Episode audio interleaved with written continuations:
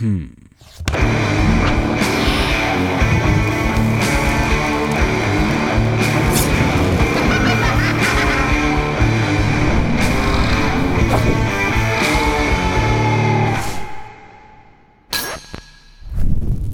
Zdravo svima, nastavljamo dalje sa specijalnim projektom Agelasta i Sarajevo Film Festivala, druga godina za redom, ovog puta i u partnerstvu sa Mastercardom, hvala im puno na podršci.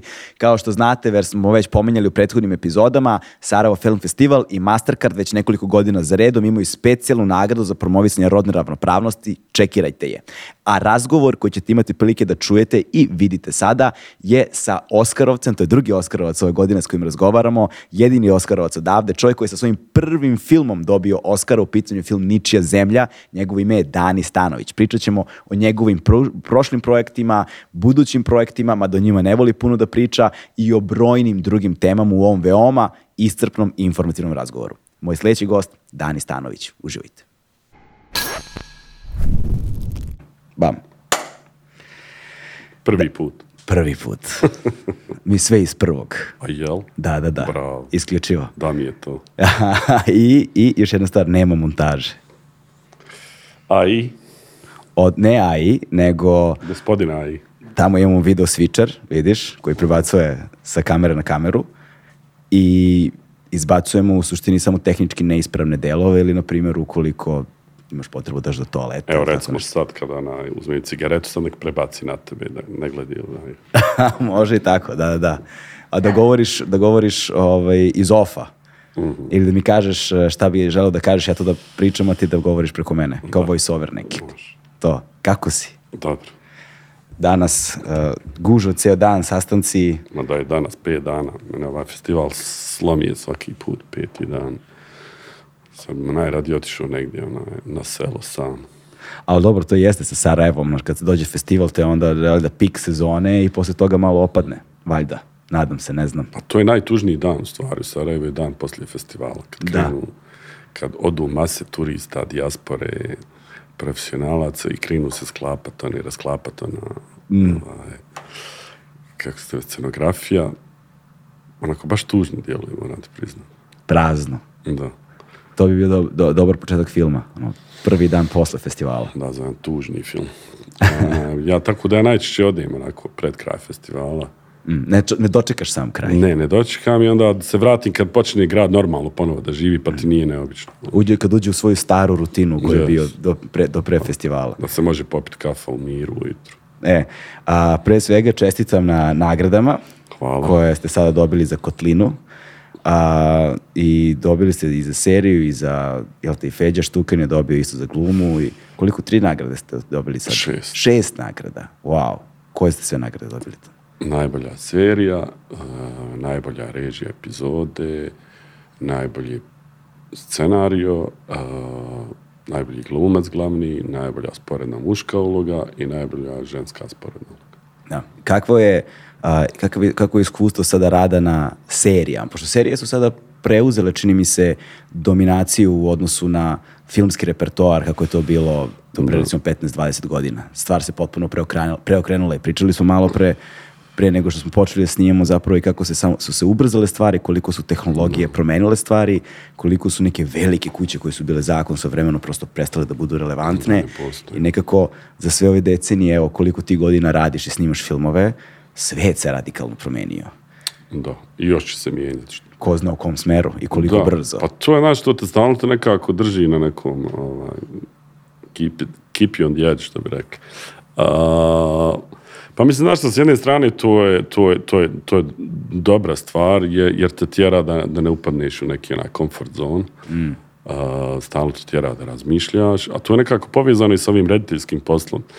A, koliko god ti imao iskustva i znanja i filmova iza sebe, svaki projekat je od početka, od nule, sjedneš, napišeš, ovaj, potražiš producente, glumce, novac, uh, i svaka priča je drugačija, tako da u stvari nekako to ide i paralelno, svaki put radiš novi film i svaki put ga radiš na drugačiji način i sa drugim ljudima i sa drugim, ne znam, distributerima i tako. Ali ono što sam ja uspio u, u seriji, da dobijem, to je od, od prve serije, od uspjeha sam rekao da ne želim da snimam sedam dana, da me to uopšte ne zanima. Dakle, to je, ta vrsta snimanja me zanima, tako da sam imao na prvoj sam, a, toj seriji koju sam radim, otprilike 11-12 dana za epizodu, što je ovdje nečuveno otprilike, ali mislim ja nisam htio da radim ako to nemam jer me ne zanima, jednostavno mogu da trčim, nekad treba vremena da, da, da neke scene uradiš sa glumcima, jednostavno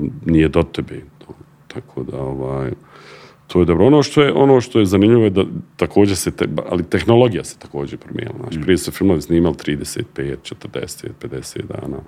Danas sa ovom nekom modernom tehnologijom sve je ubrzano. Znači, ti uh, ne moraš da mijenjaš filmsku traku ako ništa razumiješ, ne moraš da, da, da, da raz, montiraš kameru svaki put, da provjeriš check the gate, to sve neke sitnice ovaj, koje uzimaju vremena, jako, jako puno vremena i ovaj, nekako se sve ubrzalo tako da ne, nešto što je prije bilo nezamislivo tu recimo snimiti 50 minuta materijala za, za, za 11-12 dana, to je danas postalo nekako normalno.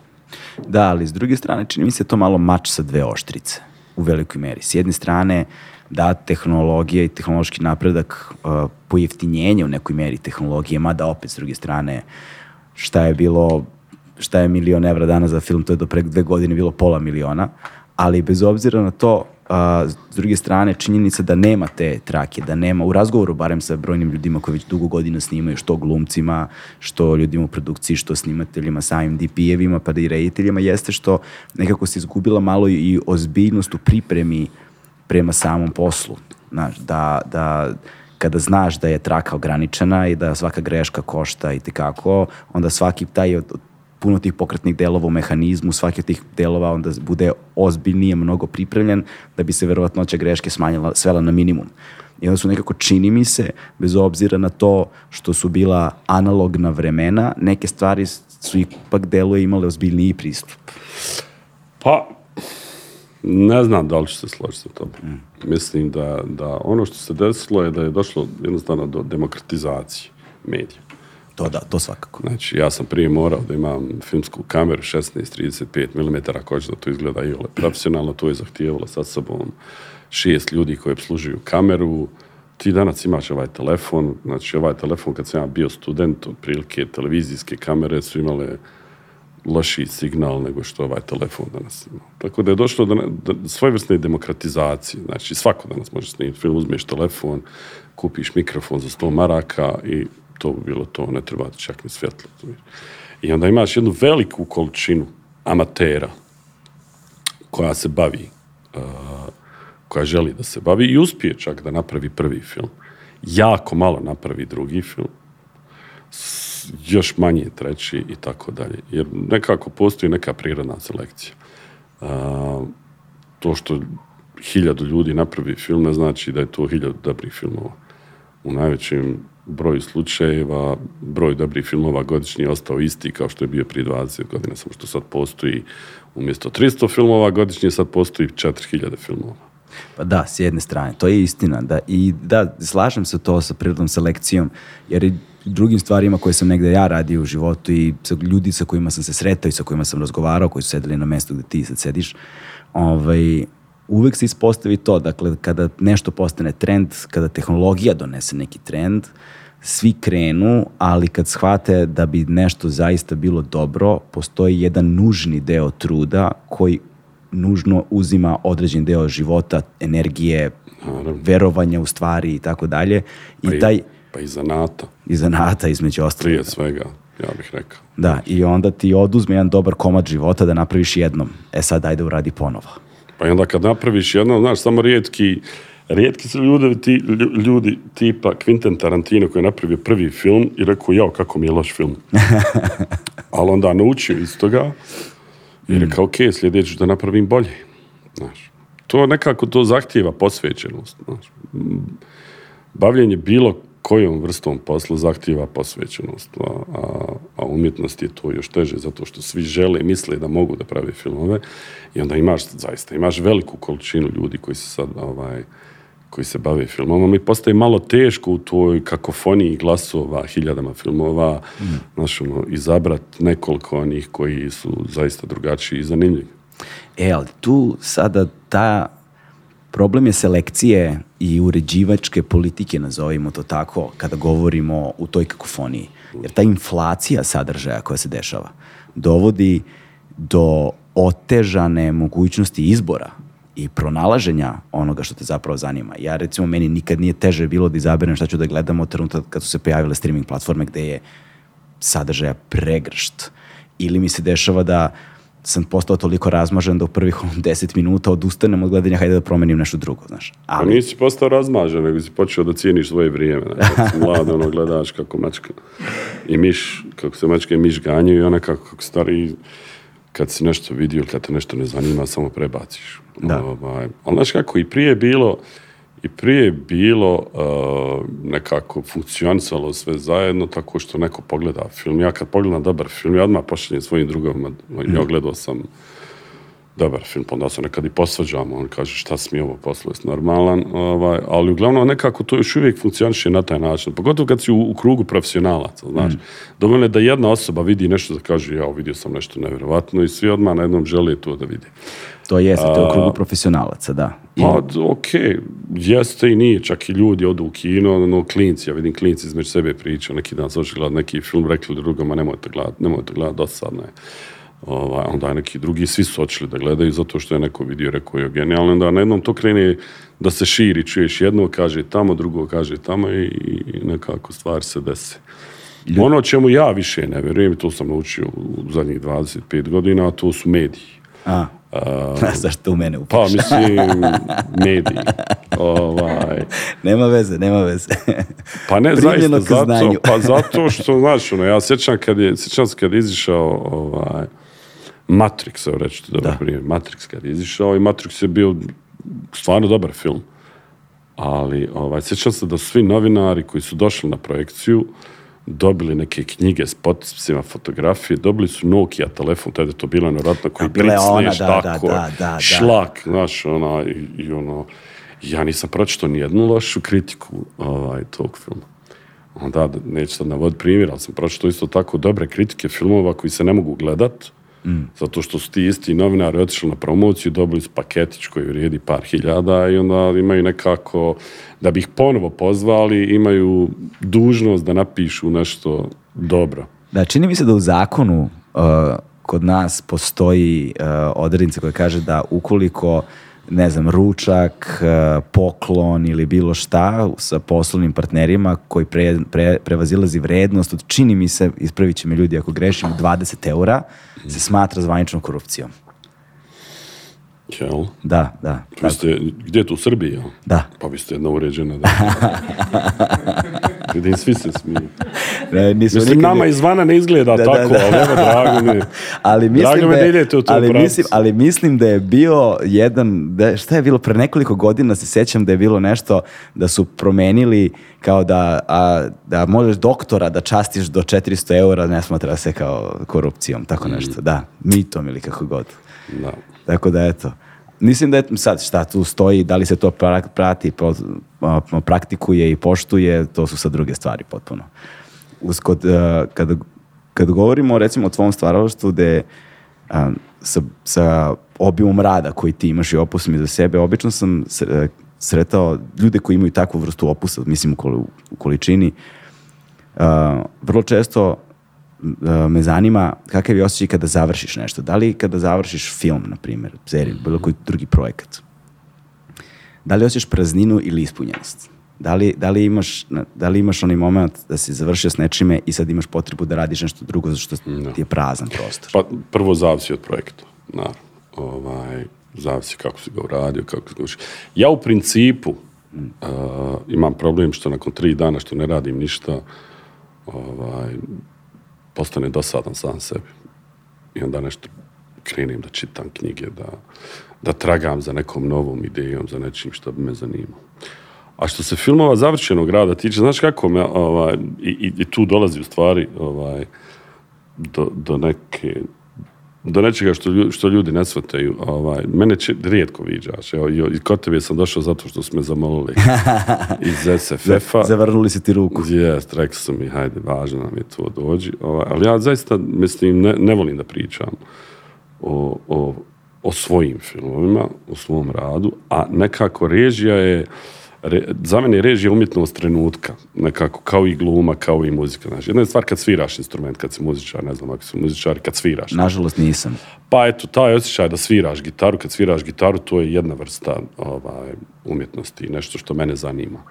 Kad si ti snimio tu traku i onako napravio CD i, i poslao je, to mene, to mene više ne zanima. Mene zanima ovaj trenutak stvaranja, razumiješ? Ja kad sam završio film, znači sjeo sam ispred bijele stranice i osjetio, ja to zovem bijel, bo- bol bijele stranice, ovaj, jer ne zna čovjek koliko je glup dok ne sjedne da napiše nešto što niko prije njega nije napisao, što je zanimljivo, pametno, duhovito, ne, nebitno, razumiješ, da se baviš ovaj, čime god da se baviš, kogod da je tema. Onda radiš na tom scenariju neko vrijeme, par mjeseci, ovaj, nekad godina, a, onda kreniš u pripreme, pa onda dođeš na snimanje, pa snimaš to, radiš a, sa glumcima i to je recimo meni najdraži trenutak, to je kad sam na, na setu, kad radim, kad stvaram to neko ludilo, onda odiš u montažu, završiš to, nakon par mjeseci položiš muziku, zvuk, sve spojiš da izgleda kako treba i u trenutku kad sam završio to, ja još jednom pogledam svoj film, seriju, nešto i više nikad. Nikad više. Ne. Znači, dakle, ti se nijednom svom filmu nisi više nikada vratio. Ne znam kako ti kažem, znaš, to kao, kao ja, ti, ka- ja ti prvo kažem, ja doživljavam svoj posao kao, kao neku vrstu zanata. To si Znači, rekao. stolar koji pravi ovaj stog, napravi ga, kad ga je napravio, to je to. Da, zanimljivo. Vrlo, Nekako- vrlo, zani- vrlo zanimljivo. Been there, done it, idemo dalje, ne, ne zanima me više. Da, ali s druge strane, Ne, ne, ja ne kažem da je to ispravno. Pazi, ima reditelja, ima, ja imam dvojicu drugova, oni su super, super su drugovi, dva meksička reditelja. Ovaj, I jedan, jedan uh, i baš smo za, nešto pričali o tome kako imaju različite odnose prema, ovaj, prema, prema svojim filmovima. I ovaj jedan nekako svaki film je kao dijete i oni dan danas ga nekako prati kroz naš brine se o njemu uh, pardon, razmišlja, ne znam nija šta, a ovaj drugi kaže, meni su filmovi ko bivše ljubavnice, bilo nam je super, ne želim da je sretnem više, znaš, ne, neugodno meni, neugodno njoj, ne znam šta ćemo. da, da, da, da. Jasno mi je to. Ali opet, Ali opet. ali opet, A. moram da insistiram na tome. A, vreme nekako menja stvari, barem našu percepciju na njih. Da. I starenjem sa tom patinom vremena, sa promenom društvenih ono, odnosa, sa Dobro. klime, politički, ovakve, onakve, razvojem tehnologije, svega, bla, bla, bla. Kada pogledaš sada recimo ničiju zemlju, koliko gledam. god, Zna- evo ja sad gledam, znaš, pogledao sam ja i pogledaš sa tim vremenskim otklonom, to je sada 22 godine, skoro 23 godine star film. Ovaj, zanimljivo je videti način na koji se drži toliko godina kasnije. Jel se drži? Drži se. Eto. Drži se, drži se. I nešto mi je fascinantno. Pre nego što, pre nego što pređemo sad malo na te teme, prvo pitanje koje je zapravo pravo, prvo pravo pitanje za tebe jeste, i to me stvarno zanima, psihološki efekt toga me zaista zanima. Ovaj, kakav je osjećaj i šta čovjeku napravi činjenica da je tvoj, napraviš prvi film, koliko u tom trenutku imaš, 32, tako? Mhm, 31. 31, 31 godinu, prvi film i dobiješ odmah Oscara. Da. Pa nekako ja sam to očekivao. Što a sam, a sam poslije sve pokvario. Ovaj, to je Orson Welles rekao, trebao sam, trebao sam se ubiti nakon prvog filma i bio bi najveća legenda na svijetu. Zauvek, da, Ovaj, realno. Znaš kako, prvi film je uvijek, uh, uvijek zanimljiv zato što prvi film nije film koji radiš godinu. Prvi film je film koji radiš 30 godina. I ti nekako u taj film staviš sve što znaš, što jesi. I prvi film su meni uvijek najzanimljiviji. Ovaj, poslije nekako kreniš da učiš, da da shvataš stvari na drugačiji način. Da vidi, ja sam imao sam sreće, desilo se, kako ti kažem, ovaj, lijepo da se to sve desi. A s druge strane, ja sam nekako i, i- i s vremenom valjda i zbog rata koji smo preživjeli, nekako mi ovdje sve relativiz- relativiziramo, nije, ništa nas baš ne uzbuđuje previše, ali nas ni ne obara previše, znaš, tako da nekako držimo tu, ovaj, tu neku sredinu finu. Vidi, ima Robert Altman, jedan od najvećih reditelja, ovaj, nije nikad dobio Oscara. Ne znam da li je Hitchcock, mislim da ni Hitchcock nije dobio ovaj, Oscar za neke od svojih filmova, to su neki velikani filmski. Onda, znaš, ono, imaš neke druge, druge strane, imaš da Politički kažem- dodeljene Oscare. Ma ne to, nego ne sad pričam sa- o, o nekim velikim ovaj, imenima, David Lean, recimo sad će reći David Lynch, ne, David Lean. David Lean je bio jedan od najvećih reditelja prije 40 godina, njegovi filmovi su punili kina, uh, od Brief Encountera do Lorenza od Arabije, do, ovaj, da ne nabrajam sad Put u Indiju i svih njih njegovih filmova, Most na rijeci, Kvaj, svaki filmovi s kojima smo mi odlasti. Ti danas kažeš David Lean, niko ne zna ko je David Lean. Znaš, tako da i to relativizira nekako ovaj, Ali sve te stvari. Ali ti pomogne u karijeri, lijepo je na jednom ljudi počnu da te doživljavaju malo ozbiljnije. Nekad je i problematično, znaš, nekad je i, ima i, i kontraefekat. Zato što sve a joj, dobije Oscara, ne, ono, nećemo njemu dati ovaj, pare, on, on će negdje drugo naći. U stvari ti su u istom redu koji svi čekaš da napraviš sljedeći film i tako. A postoji vjerojatno i pritisak očekivanja. Pa ne znam, znaš kako, onaj, time se je baviti, time se baviti je besmisleno. Ja sjećam, bio sam u Cannes na festivalu, bio sam, bio sam u žiriju, kad mi je Steven Soderbergh, bili smo zajedno u, u žiriju, ja sam tad počeo da pripremam drugi film, i on mi je rekao, joj, ne bi ti bio u koži. Ja Rekao, što mi ne bi bio u koži? Kaže, vidjet ćeš. I onda sam vidio, znaš, drugi film, nije ni blizu ima odjek koji je imao prvi film. Svi neki kritičari koji su me dizali su me ono, sahranili zajedno sa filmom. Onda, onda smo u New Yorku dvije godine kasnije. Okay, a? ja, ja, super, bravo. Hvala. Bogato životno iskustvo. Pa dobro, ali naučiš, kako ti kažem, i move on. Znaš. Meni je puno važnije praviti filmove i imati neki kontinuitet, jer mislim da je re- režija je kao neki mišić, ako ga ne koristiš, onako, a, nestane. Da. Tako da je jako, jako važno snimati, raditi. Ja nekad radim filmove koji koštaju 15 milijuna, a nekad radim filmove koji koštaju 15 hiljada. Da- Ili 50.000 kao što su sakupljači, odnosno... Pa beraži berači. ne znaš, koštali 17.000 eura u stvar, toliko smo novca imali, da su nam poslije Slovenci dali nekih, nisu nam dali, nego su radili postprodukciju kod njih, tona i svega toga, miks. Da. Ovaj, tako da je izišao na 30, čini mi se 34.000 eura sve zajedno. Da, berači su također zanimljiv fenomen kojem bih volio nešto malo kasnije da, da pričamo, ali da, gledajući dakle ničiju zemlju, da se vratim sad na film, nekoliko stvari koje su mi tu fascinantne s ove tačke gledišta danas. A, jedna je recimo na otvaranju festivala gledali smo a, sad sam zaboravio naziv dokumentarnog filma sa Bonom i kako? Kiss the Future, da. Gledali smo Kiss the Future i imate jedan trenutak ovaj, u filmu kada zapravo strani izvestači dolaze u uh, uh, Sarajevo pod opsadom, jel te? I onda oni dođu, snime, odu, dođu, snime, odu, dođu, snime, odu. Znaš, imaš taj neki efekat, znaš, ono, bizaran potpuno, koji korespondira savršeno sa onime što si ti prikazao u ničijoj zemlji. Znaš. Dakle, da, da, da postoji taj neki ono voajerizam i neka ono kao, kao, kao nekakav džep iz kog se samo uzima šta treba bez ikakve prave ideje za, za razrešenjem problema ili nekom voljom da se problem razreši dok stvarni ljudi stvarno surovo pate u tim nekim okolnostima i ta vrsta senzacionalizma potrebe za takvim ono shock value, entertainment value, šta god daje, nazovimo ga kako god, ovaj, mi govorimo o filmu iz 2001. godine, filmu pre, vre- pre, pre smartfonova, pre društvenih mreža, pre interneta kakvog poznajemo danas, pre ono Symbian telefona, bile su upravo Nokia, to je, to je bilo ono, dva reda teksta, znaš. Da. Ovaj, I nekako ubrzanje vremena, ubrzanje razvoja tehnologije, ta, tu vrstu senzacionalizma dovela sada do razmera koje su neverovatne. I ono što se pokazalo kao jaki ironijski otklon u filmu se sada pokazuje kao skoro pa dokumentarno.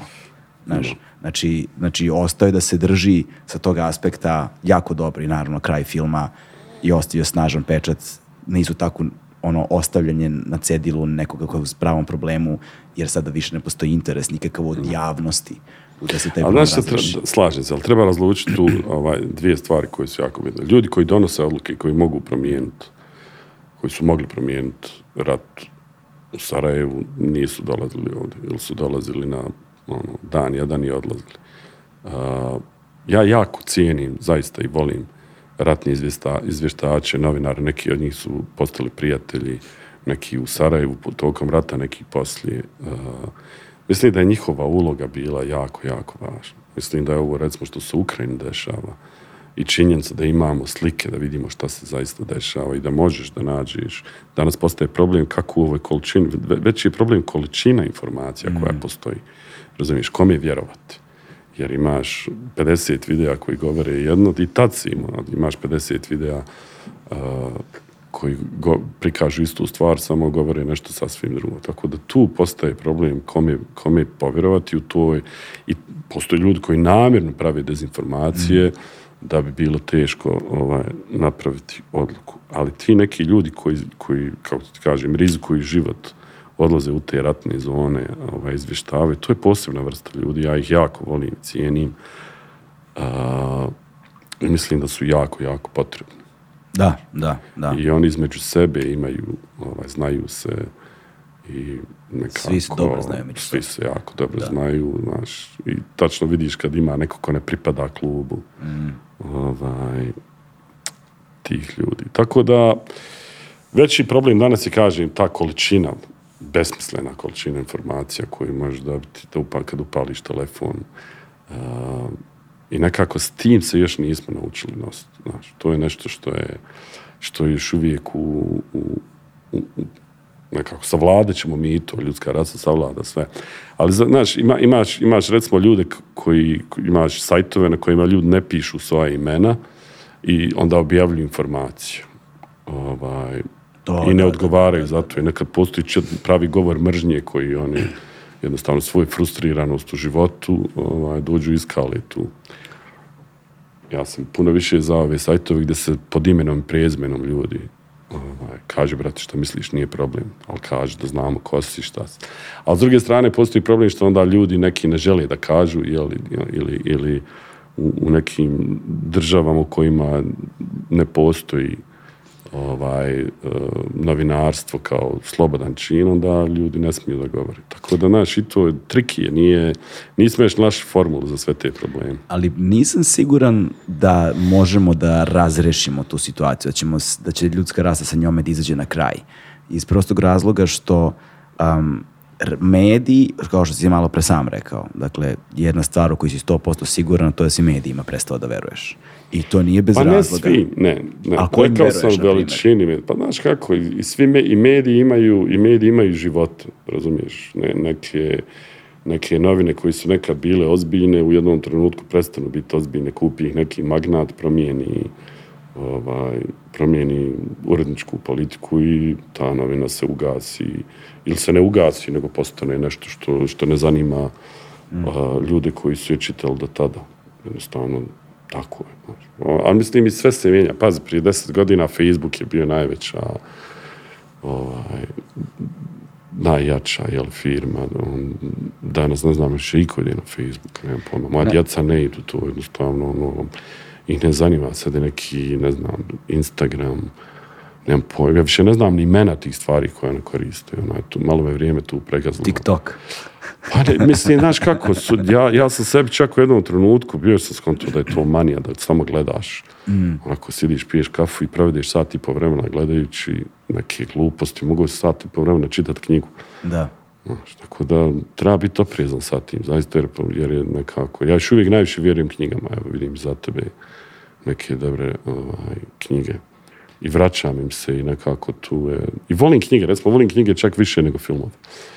Zato što u filmu nemam vremena da razmišljam. Znaš, film te usisa i ti sad putuješ i onda tek poslije. Knjigu nekako čitaš, zaustaviš se na strani tri, odlutaš, vratiš se, ponovo čitaš, nekad čitaš 20 strana, da se ne zapitaš, znači nije bitno, ali nekako drugačiji je koncept cijeli. Meni to, ja, vjerojatno sam ona već ta neka starija generacija koja uživa u tome. Ali eto, uspio sam to djeci, recimo u sad, to njih tu ovaj, ljubav prema knjizi. Vidim da puno čita i to me jako raduje. Da, to je, to je, jeste, zaista.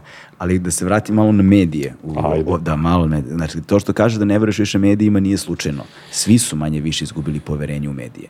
Jer onog trenutka, čini mi se, barem sam to sebi nekako definisao na taj način, onog trenutka kada su vesti počele da prave pare, tog trenutka medijski ekosistem u potpunosti urušen. Poverenju. I onog trenutka kada se, naravno, zahvaljujući mrežama, pojavio taj imperativ brzine, što je onda eliminisalo odgovornost da je izrečeno i inflacija informacija stalno mislim, ne sjećamo šta je bila vest pre sedam dana, tri dana, nije ni važno.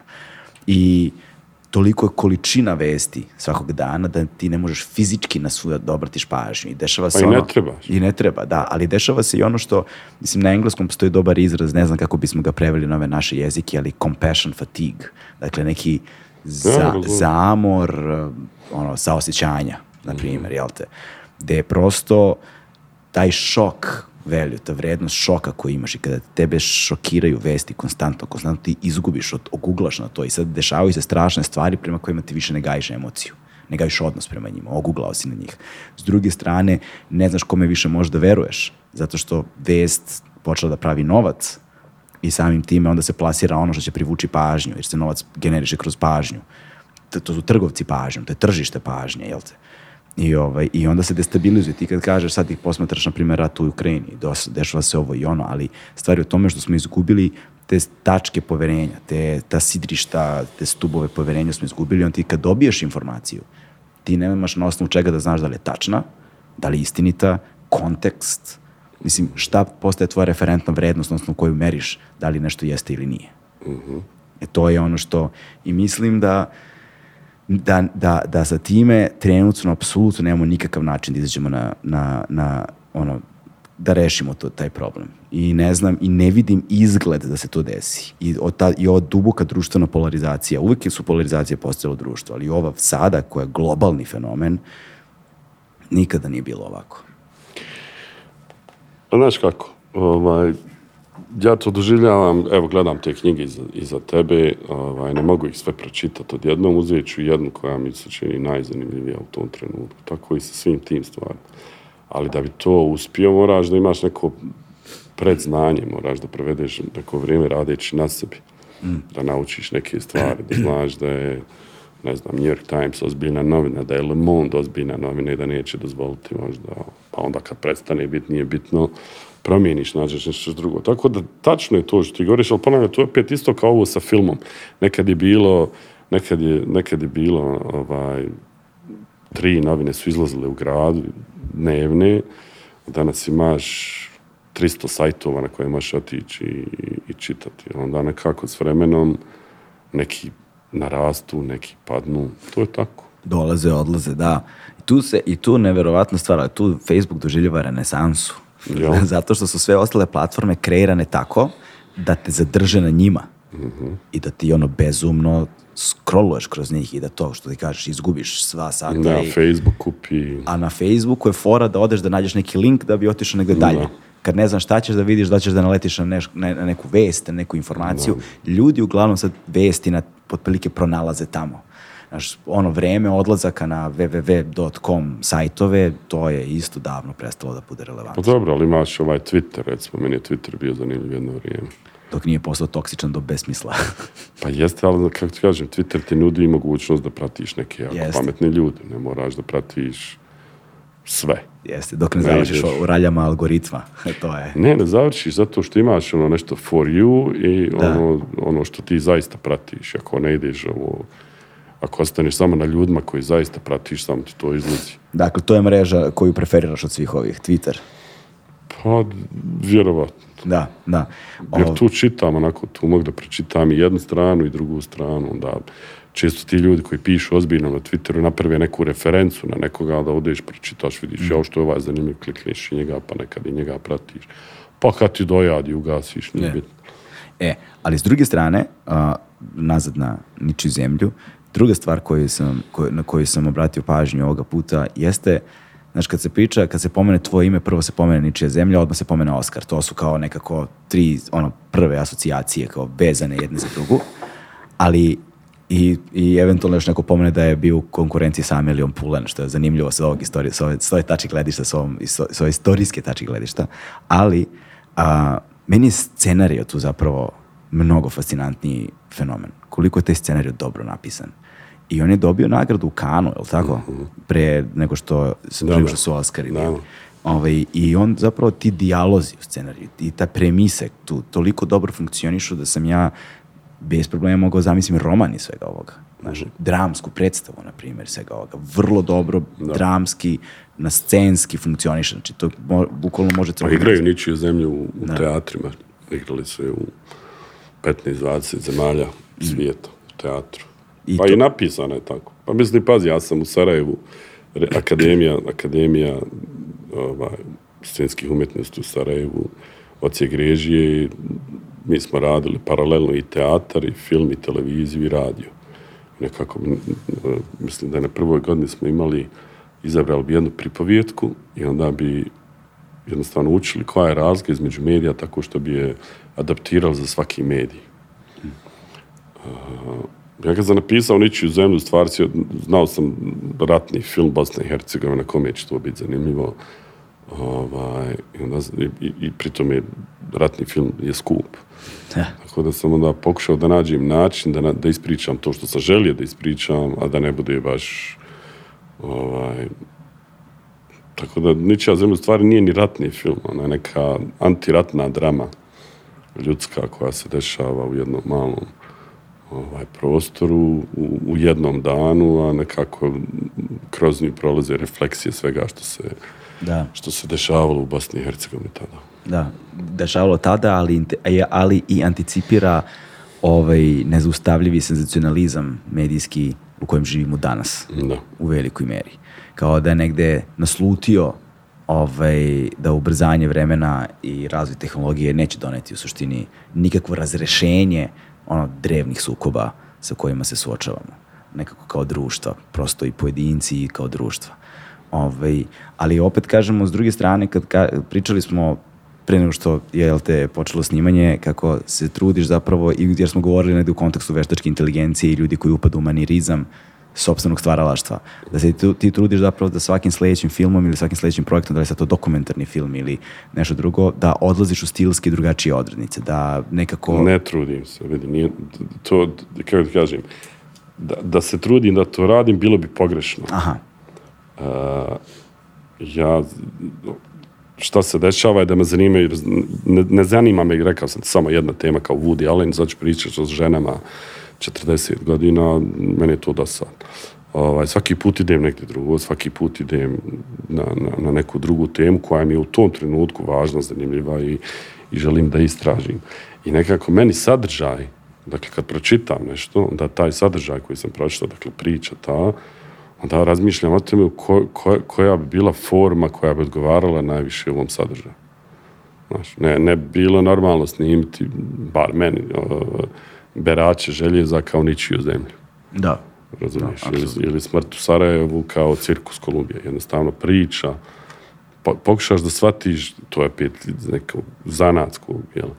Ovaj, da shvatiš šta je, šta je to, koji je to ključ da, da ispričaš tu priču, koji je način najbolji da se ta priča ispriča. I onda to dolazi iz toga. I zato svaki moj film izgleda drugačije, zato što je svaki put priča drugačija. Ja svaki put pokušam da nađem neki ključ koji, koji bi odgovarao tom što radim. Da, e sad za berače. Jesu li berači dokumentarni ili Pa i jedno i drugo. Mislim, igrani, meni ja, neki, neki poludokumentarni? Kako, kako je? ja ne znam, meni je rekao jedan čovjek da, da, da, je, da, je on, da, da on misli da je to, da, da je taj film u stvari onako, da su se linije fikcije i dokumentarnog dodirale najviše što je on nikad vidio. On je neki kritičar dokumentarnih filmova je rekao da je nevjerovatno kako taj film spoji u stvari fikciju i on jest dokumentarni jer govori o nečem što se zaista desilo ovaj, ali fikcija zato što smo sve to odglumili, nije kako ti kažem, nisam bio tamo s kamerom kad se to dešavalo. Dakle, to jesu ljudi kojima se to desilo, ali su svejedno opet glumili sebe. Tako da, ne znam, ja, ja se ne bavim definicijama, pa Ali me, ali me ne, ne bavim se nija definicijama, ali me zanima postupak. Dakle, čudan je postupak. Ja sam pročitao tu vijest u novinama, rekao sam pa vidi ovo i onda sam ovaj, nazvao Amru, moj producent, rekao majke pošalju nekoga da ne idem. Ja kad se pojavim odmah svi ono, pošto me znaju, imaju neku viziju, ne znam nija šta će se dešavati. Rekao, kad vidi nek pošalju nekada da vidi je li ovo istina prije svega, je ovo zaista tako. Onda je otišao jedan ovaj, dečko tamo, novinar mladi, provjerio sve, vratio se rekao na mjesto. Da sam ja otišao tamo i rekao, pa eto, ja volio da nešto Mislim, nije u redu to što se desilo, ja volio snimiti neki dokumentarni film o tome i onda smo mi to, ja sam pisao neki scenario i mi smo to predali. Ali nekako kako sam, kako sam upoznao ovaj, nazifa i cijelo to sve, nekako je počelo da mi se rađa ta ideja da, da nekako igra. Ali nije tu ne, nekako to ponavljam da sam počeo da zapisujem šta se sve desilo. Nisam imao zaista scenarij, nego sam slušao njega šta se desilo. Onda smo na kraju došli do toga da sam rekao što misliš da ti igraš sebe, da, da pokušamo da, da igramo. On je rekao, pa ja to nikad nisam radio. Kaže, ma nisam ni ja, mislim, ali probat ćemo, pa da vidimo šta će biti. I ovaj, tako je bilo. Nismo mi znali kad smo radili radimo, da će to naići na na, mislim, taj film je dobio dva srebrna medvjeda u Berlinu i bio u, u, u deset filmova za strane Oscare te godine, što je, meni je bilo iznenađenje. Ovaj, da su ljudi to shvatili, uzeli, pazi, to je film koji snima na fotoaparatu. Moji drugovi oko mene su govorili, ne možeš ti, nići s fotoaparatom snimati film, ono, prilike kao ti sad. Oskarovac moraš imati veliku ekipu i... Kamion rasvete. Pa mislim, znaš, ono, ali meni se nije čekalo dvije godine da skupimo novac, da bi neki glumci to glumili, ovako sam probao, ja sam rekao, ako bude dobro, ok, ako ne bude, nije, ne, nismo sad potrošili 10 miliona, pa da, ono, razumiješ, tako da smo stvarno krenuli, ono, sa znanjem, srcem i snimili tako kako smo snimili. A da li je u tvom ličnom iskustvu posmatranja ljudi koji su, nazovimo ih, u ovom konkretnom slučaju, eto, na tuščici, bez, u, u nedostatku možda nekog boljeg izraza, jer to ima i snažnu dokumentarnu notu, kao što smo rekli. Kao to ponavljanje nečega što je duboko traumatično iskustvo za nekoga ko nema iskustva u tome da je glumat i da projektuje stvari na taj način, a opet je dakle i dokumentarno, da li je tu postojala neka tanka linija koja se plašio možda da se ne prelije u nešto nešto, nešto negativno. Pa nismo, zato što stvarno nismo imali nikak, nismo imali nikakvih zadnjih namjera, nikakvih. Da. Kad god je bilo nešto teško, kad god sam vidio da nešto, ja samo Zustaviš se. Ma naravno, mm, Dakle, bilo je takvih trenutaka na snimanju. Pa mislim, bilo je, vjerojatno, kad smo došli do bolnice gdje su ih odbili, pa kad smo bili ispred, on, nije, im baš bilo ugodno. Ali smo samo prošli, nismo, nismo snimali kraju toj bolnici, nego smo otišli snimili u, u nekoj, ona, isto u bolnici, samo ne to. Da, da bi da. njima bilo Da, da. da. jednostavnije. Da, to je, jer, jer to je sve vreme, znaš, dok čovjek posmatra film, stiče taj utisak jer razmišljaš, prvo je onaj efekt, čovjek, je li ovo igrano, je li dokumentarno, znaš, ako je igrano, znači da se ovo već desilo, dakle oni glume ono što im se desilo i onda ti ostaje taj neki, kao žulja te malo, znaš, razmišljaš o tome, znaš, da li je bilo takvih trenutaka samo Pa je. proces. Pa znaš šta, dobro, pazi, to je sad film koji je već... Koliko? jel, Sedam, osam? Pa da, Koliko? Deset godina. skoro, da. Deset. Ovaj, mi kad smo izašli s tim filmom, ljudi nisu znali da, je, da su to... Nego tek poslije projekcije shvatili, aha, to se zaista desilo, aha, znači, malo je bilo tako da Da. nekako, ovaj, sad ima neko saznanje o filmu koje dolazi prije filma, kad je film izašao, prvo išao film, pa onda ovaj, sve ostalo. Da, a onda, ovaj, i onda nekako taj, taj, taj, taj, ta, ono, tragična sudbina je imala nekako, ono, još tragičniji, tra- tragičnije razrešenje u sva, stvarnom životu nakon, ovaj, nakon, nakon samog filma.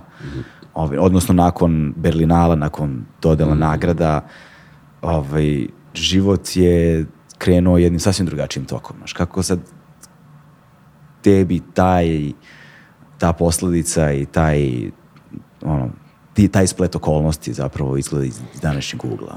Vid, uh, mi smo stvarno čitavo vrijeme nekako oko te porodice išli ono, s najboljim namjerama. Oni su nakon godinu dana rekli mi da smo u Berlin da živimo. Ok, nazvali smo tamo ljude od Vima Bendersa do ne znam, svih ljudi koji smo poznavali da pokušaju da im pomognu da se tamo snađu. Onda je negdje u, u, u trenutku kad, nakon što je prošla zima, nakon što su oni shvatili šta je život u Njemačkoj, da neće baš sjediti dobijati pare i ovaj, nego da mora, ne znam, naziv, mora ići u školu da uči jezik, mora će naći posao, šta ja znam. Su odlučili da se vratu. Onda su se vratili ovdje, onda su bili tu. Onda su opet sljedeće zime htjeli da idu, ali mislim, onda su im Njemci rekli, pa ne, može baš tako, ne možete ono, hodat ovaj, tako i onda su na kraju ostali tu. A nekom u međuvremenu, ovaj, znaš kako, mislim, to su ljudi koji, koji žive te živote koji žive i njihova vizija svijeta, kako oni zamišljaju, šta, kako se stvari dešavaju u, u, u, u stvarnom svijetu je potpuno drugačija od onoga što kakve stvari zaista jesu. Mi smo dugo vremena sve što novca što je dolazilo za film, a ni to, pazi, to je mali film koji je dokumentarni, nije to film koji je igrao po kinima i, i, i, i šta ja znam, nego to nešto novca što bi došlo, mi smo slali njima, pokušavali im pomoći, ali onda su počele neke ružne riječi da izlaze, ja sam u jednom trenutku rekao, stvarno, ono, nemojte to da govorite, jer nije u redu, niko od nas nije dobio dinar za taj film, mi smo ovo sve uradili, ono, u najboljoj želi namjeri nije u redu da se tako prenda je nas rekao žao, i onda je opet bilo ja sad rekao nešto dosta. Mm. Zaista, ovaj, ne znam kako to. Ja ne želim da uzimam, ne mogu stvari da uzimam odgovornost za nečiji život. Razumiješ? Naziv je bio bolestan, naziv je imao šećer, uh, neko ko ima šećer treba da se pazi, on jednostavno nije to radio, on je i pio i pušio i kako da ti kažem. Tako da, da niti mogu, niti želim da preuzem odgovornost. Meni je to tužno, žao mi je. Pokušali smo im zaista pomoći na više načina. Jedan posao je dobio, drugi posao je dobio. Ovaj, nije htio da ih radi, nije mu odgovarao, ok, kako ti kažem, mogu se baš čitav život baviti ovaj, tom porozom, niti želim, pravda ti kažem. Jasno, da, da. I pogotovo nakon nekih ružnih riječi koji su izjavili na televiziji, otprilike oni, oni hodaju po, na, ne znam nija šta, mi smo ovdje, kako ti kažem, mene možeš, do, ja, ja imamo neku, neku granicu do koje dozvoljavam, onda poslije toga jednostavno sam bio rezi gotov. Mm. I da. ono, ne, više me ni ne zanima, ne znam kako ti kažem. Da, znam da to zvuči grubo, ali znam u historiji filma, znam par puta ovaj, reditelji koji su nadrljali tako, neke čak čuvene koji su radili se na tušticima s pravim ljudima ovaj, i uglavnom loše završi, nažalost. Da li osjećam neku ono, tugu što je tako, da, ali nisam ja to tako htio. Da. Da. Ja sa svoje strane i ekipa i Jamra koja je, koja je stalno slala neke pomoći, pomagala koliko smo mogli u jednom trenutku kažeš, ok, mislim, mm. ne mogu ja sad uzeti i ne želim da uzmem ovaj, cijelu jedan porod sebi na leđe, da izdržavam i da se brinem i da ne znam ni. Mm, da, ovaj, jedna od stvari koje, uh, recimo pre, koliko je to bilo? Dve, tri godine kada se pojavio film Deset upola. Dvije. Dve godine, mm. I otvorio je petak, uh, petak na Metalcu otvorio je, otvorio je festival. I ovaj, sjećam se, moj, moj prvi utisak kada sam pogledao film je bio kao onako, znaš, nisam, nisam imao neku pretrednu reakciju, ali onda sam vremenom počeo da stečem sve pozitivniji i pozitivniji odnos prema tom filmu. Mm. Zato što sam počeo da kapiram, posebno kada boraviš na festivalima filmskim i ovaj, recimo kada dogovaramo intervjue i tako to i onda vrlo često a, autori čije filmove treba da pogledamo imamo dogovor intervju pre nego što je zakazana premijera. Ili recimo imaš nekada više sagovornika sa kojima moraš da razgovaraš u toku jednog dana i tako dalje i onda dobiješ pristup po ovim festivalskim sajtovima ne. da možeš da pogledaš prosto. I onda ironije, li, dođem na filmski festival i onda sedam dana provedemo u hotelskoj sobi gledajući filmove na laptopu. ali, ovaj, ali, ali imaš priliku da pogledaš ono za redom više filmova i to je sve i ti shvatiš, posebno kad posmetaš regionalnu produkciju, da postoji obsesivno bavljanje određenim temama i da je to sve strahovito teskobno i da je to sve strahovito i onda prosto poželiš, ali ono, duša ti poželi da pogleda nešto drugačije. Pa to je jedini ra... Pazi, mislim, da stupala je nastao usred korone. Da. Znači, onom ludilu ljudi koji umiru, prva neka, prvi neki poriv je da napraviš film o koroni, da napraviš film o životu ljudi, da napraviš film o koji je ozbiljan, težak, jer sve je ozbiljno teško, razumiješ, mi nismo znali da ćemo preživjeti, bila je potpuna panika, svi smo bili s maskama, kod kuće zaključani. Mada se ja moram ti priznati uživao u toj godini na neki čudan način. Se sjećaš kad smo prali voće i kvaki? Ma sve smo pravili, ali sam bio kući sa djecom i ženom, nisam morao nigdje da putujem, nisam mogao da putujem i na jednom sam bio kući, svi smo bili kući, pravili smo neko divno vrijeme zajedno moja čerka koja je odšla u Berlin da studira se morala vratiti, sjedila je sa nama i svi smo bili, da smo stalno gledali neke filmove, serije, čitali knjige, zajedno ručali, pričali. Nekako to je bilo, ovaj, bilo i, i pozitivnih stvari u svom tom. Ovaj. Uvek bude, na neki način. Pa da. Znaš, I u najgorim situacijama zaista uvek bude. To ono ljudsko što ne može da se eliminiš. I onda sam ja u tom nekom ludilu u koji smo živjeli rekao sam sebi hajde majke ti napravi nešto, ono, ajmo probati napraviti nešto da nasmijemo ljude. Jer sve je bilo toliko teško, znaš, um, umreti drug, umreti rođak, umreti sve, svuda je smrt. I onda nekako u tom trenutku gdje je bilo prirodno da odiš u neku crnilo, men, meni je meni je nekako bila želja da napravim nešto gdje će ljudi otići u kino, sjesti u kino, kao ne. Mi nismo znali da će više kina postojati, mi nismo znali da ćemo li preživjeti, će ko biti živ za, za, za dvije godine, razumiješ. I onda smo se dogovorili, hajmo snimat ovaj, to i onda sam ja napisao tu priču sa Nikolom. Sjeli smo i pokušali napraviti neku priču, u stvari o prijateljstvu, to je više priča, tu su ćevapi samo neki povod Da. Ovaj, da se bavimo ovaj, nekim Sarajevom koje ja volim i nekom jednostavnom pričom, ne mora priča uvijek biti komplikovana i kompleksna. I mislim, pazi, imali smo neki mali budžet stvarno, onako smiješan za, za snimanje i uspjeli smo snimiti film za dvadesetak dana usred korone, znaš, neki su glumci čak nosili maske, ja sam rekao svima, vidite, što se mene tiče, možete svi nositi maske u, u kadru cijelo vrijeme. da, da snimaš zapravo sve vreme Pa sa mislim, maskama. pa, kako ti kažem, ja ne želim da preuzmem odgovornost da se neko razboli i umre na snimanju. Znači, prvo ako pristajete da snimate, znači, ok, ako želite da snimate, hvala, ali ako treba pratiti sve što je napisano na papiru, da, ste, da nosite maske, da nema to, sve, mi smo sve, bi, sve je bilo po pesu. Čak smo ono, kad smo ručali, bili razdvojeni, ovaj, pokušavali smo da nismo stalno u istoj sobi, da je Koliko je čudno bilo to iskustvo zapravo. Jako. Pa mislim, to ponovo ludilo, razumiješ? Mi ljudi, mi smo počeli snimati film, mislim da je pik, još jedan od onih velikih pikova u Sarajevu, prošao recimo 14 dana prije toga. Mi 14 dana prije snimanja nismo znali da li ćemo snimati film. Jer je sve bilo zatvoreno ponovo. Jer je bilo, ne znam, sad brojeva se više ne sjećamo, to su oni neki ozbiljni brojevi. Svaki dan po bolnicama ljudi umiru,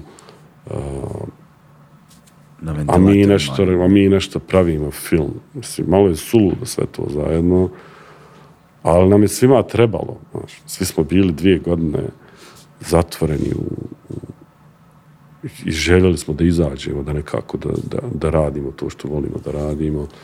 I svi su pristali za neke male plate, jer jednostavno nismo imali ovaj, novca za nešto više. Tako da sam ja sretan da smo ga uopšte snimili. A sad mi je onako zanimljivo, znači, ono, sad se javljaju glumci iz filma, kaže, bio sam prekiče u, u Rovinju, zaustavili me na ulici ljudi, onaj, da se slikaju kao, ono, kad će biti 10 upala dva. Pa ljudima treba da se nasmiju. da. Pritom, paz, nije jednostavno, ja, ja mislim da je, da, je, da je dobru komediju puno teže napraviti nego ovaj, nek, film na neku ozbiljnu temu. Teško je nasmijati ljude. Da. Teško je teško je naš, naći glumce koji to mogu da iznesu na način na koji su ovaj, to, ta glumačka ekipa da je stupala to izvela. Mislim, meni, ja si, ja, ono, Drago mi je da vidim da se ljudi smiju. Znači, to je jedino što smo želeli da proizvedemo je da se ljudi nasmiju ona, u, u tom crnu. Humor je zanimljiv fenomen na filmu, zapravo. I ja, iskreno da budem, nisam siguran da sam us- uspeo da ga razumem do kraja. Govorim o postupku nastajanja. Jer, primjera radi, veliki sam ljubitelj, recimo, stand-up komedije. Veliki sam ljubitelj stand-up komedije iz jednog prostog razloga, zato što je forma potpuno ogoljena. Jer to je ono, stoji čovek, mikrofon, jedno svetlo i publika. To je to. To je to. Jedini način da stvar bude smešna je da prosto bude smešna. Glumci vrlo često nisu dobri stand-up komičari iz jednostavnog razloga, jer pokušavaju da glume da je smešno. I prijateljica jedna i prijatelj jedan zapravo komičar su to meni su to nekako najlepše definisali. Rekli su Kaže, najbolji način da nešto bude smešno je da prosto bude smešno. A da bi bilo smešno, moraš zapravo da posegneš u najmračniji deo sebe i da izneseš to napolje, jer je onda autentično. I na čudan neki način, ono što ne smeš psihijatru da kažeš, treba kažeš pred totalnim strancima i treba ti se smeju za uzvrat. I da je zapravo negde, to je i Oscar Wilde re- re- rekao, da ono čemu smo, zbog čega smo se nekada najviše brinuli je nešto zbog čega se danas najviše smejemo. I da je zapravo humor taj, taj, taj, taj ventil koji oslobađa zapravo i pravi jasan pokazatelj da smo prevazišli nešto, da smo preko nečega prešli, da je to neki ljudski faktor koji ne postoji nigde drugde u životinskom svetu, čini mi se. Ovaj, ali proizvesti tu vrstu autentičnosti, smeha, u nečemu što ima jako puno pokretnih delova u mehanizmu, da ti napišeš na papiru, odnosno na, jel te, kako si rekao, uh, bo- bol belog ekrana, Bol bijele stranice. bol bele stranice, to. Znači, ovaj, da napišeš tu nešto, pa da onda to nađeš nekoga ko može karakterom da se prilagodi tome, pa onda da to bude u pravom setupu, pa da se, a pritom sve to košta mnogo novca i mnogo ljudi u pokretu i organizaciji, a u kom trenutku ti znaš da to ima komičan efekt? Ne znaš. Znači, tek pred publikom. Znaš kako moj drug Peđa Kojević kaže, isplati se pisat samo remek dijela. Još kad bi znali da pišemo remek dijela, gdje bi nam kraj bio? A, vidi. da postoji formula da se prave samo dobri filmovi, svi bi pravili dobri film. Znaš, ovaj, ne znam, mi, mi se trudimo i sa iskustvom pokušamo da, da neke stvari onako predvidimo i, i tako, ali u stvari ne znam, zaista. Ja nisam mogao znam da će Berat želje za dobiti nagrade koje je dobio. Ovaj, nekad radiš film i misliš, joj, sad će ovaj film da, da, da bude sjajan, da, ono, da, da prođe svijet, ono, ništa se ne desi. A nekad napraviš tako nešto ono, malo od meraka, da cijela regija uživa u tome ili svijet. Ne znam, jednostavno ne znam. Ja ne znam, možda postoji. Neko, mislim da lažu ljudi kad kažu da znaju ovaj, kako se prave samo dobri filmovi. A, drugo, znaš što je još problem? A, ti nekad kreneš nešto da praviš, negde napola shvatiš da to nije da to nije to. O, e, se dešavalo to? Pa desi ti se, naravno. Drugo, znaš kako, Sa čime film... ti se to desilo? Ma neću ti nikad reći. ovaj, ali postoji, postoji još druge stvari, postoji, znaš, nije film samo moja umjetnost, film je umjetnost grupe koja to radi, tako da, znaš, jedan glumac koji je pogrešan može sve da pokvari, šarfer koji ne našarfa, kadar koji je bio odličan, ne služi ničemu, znaš, to je jako je to sve ovaj, kompleksno. A najteže za reditelje, za mene lično najteže je ovaj, što nekad provediš dvije godine radeći na nečemu i onda onaj, nisi zadovoljan.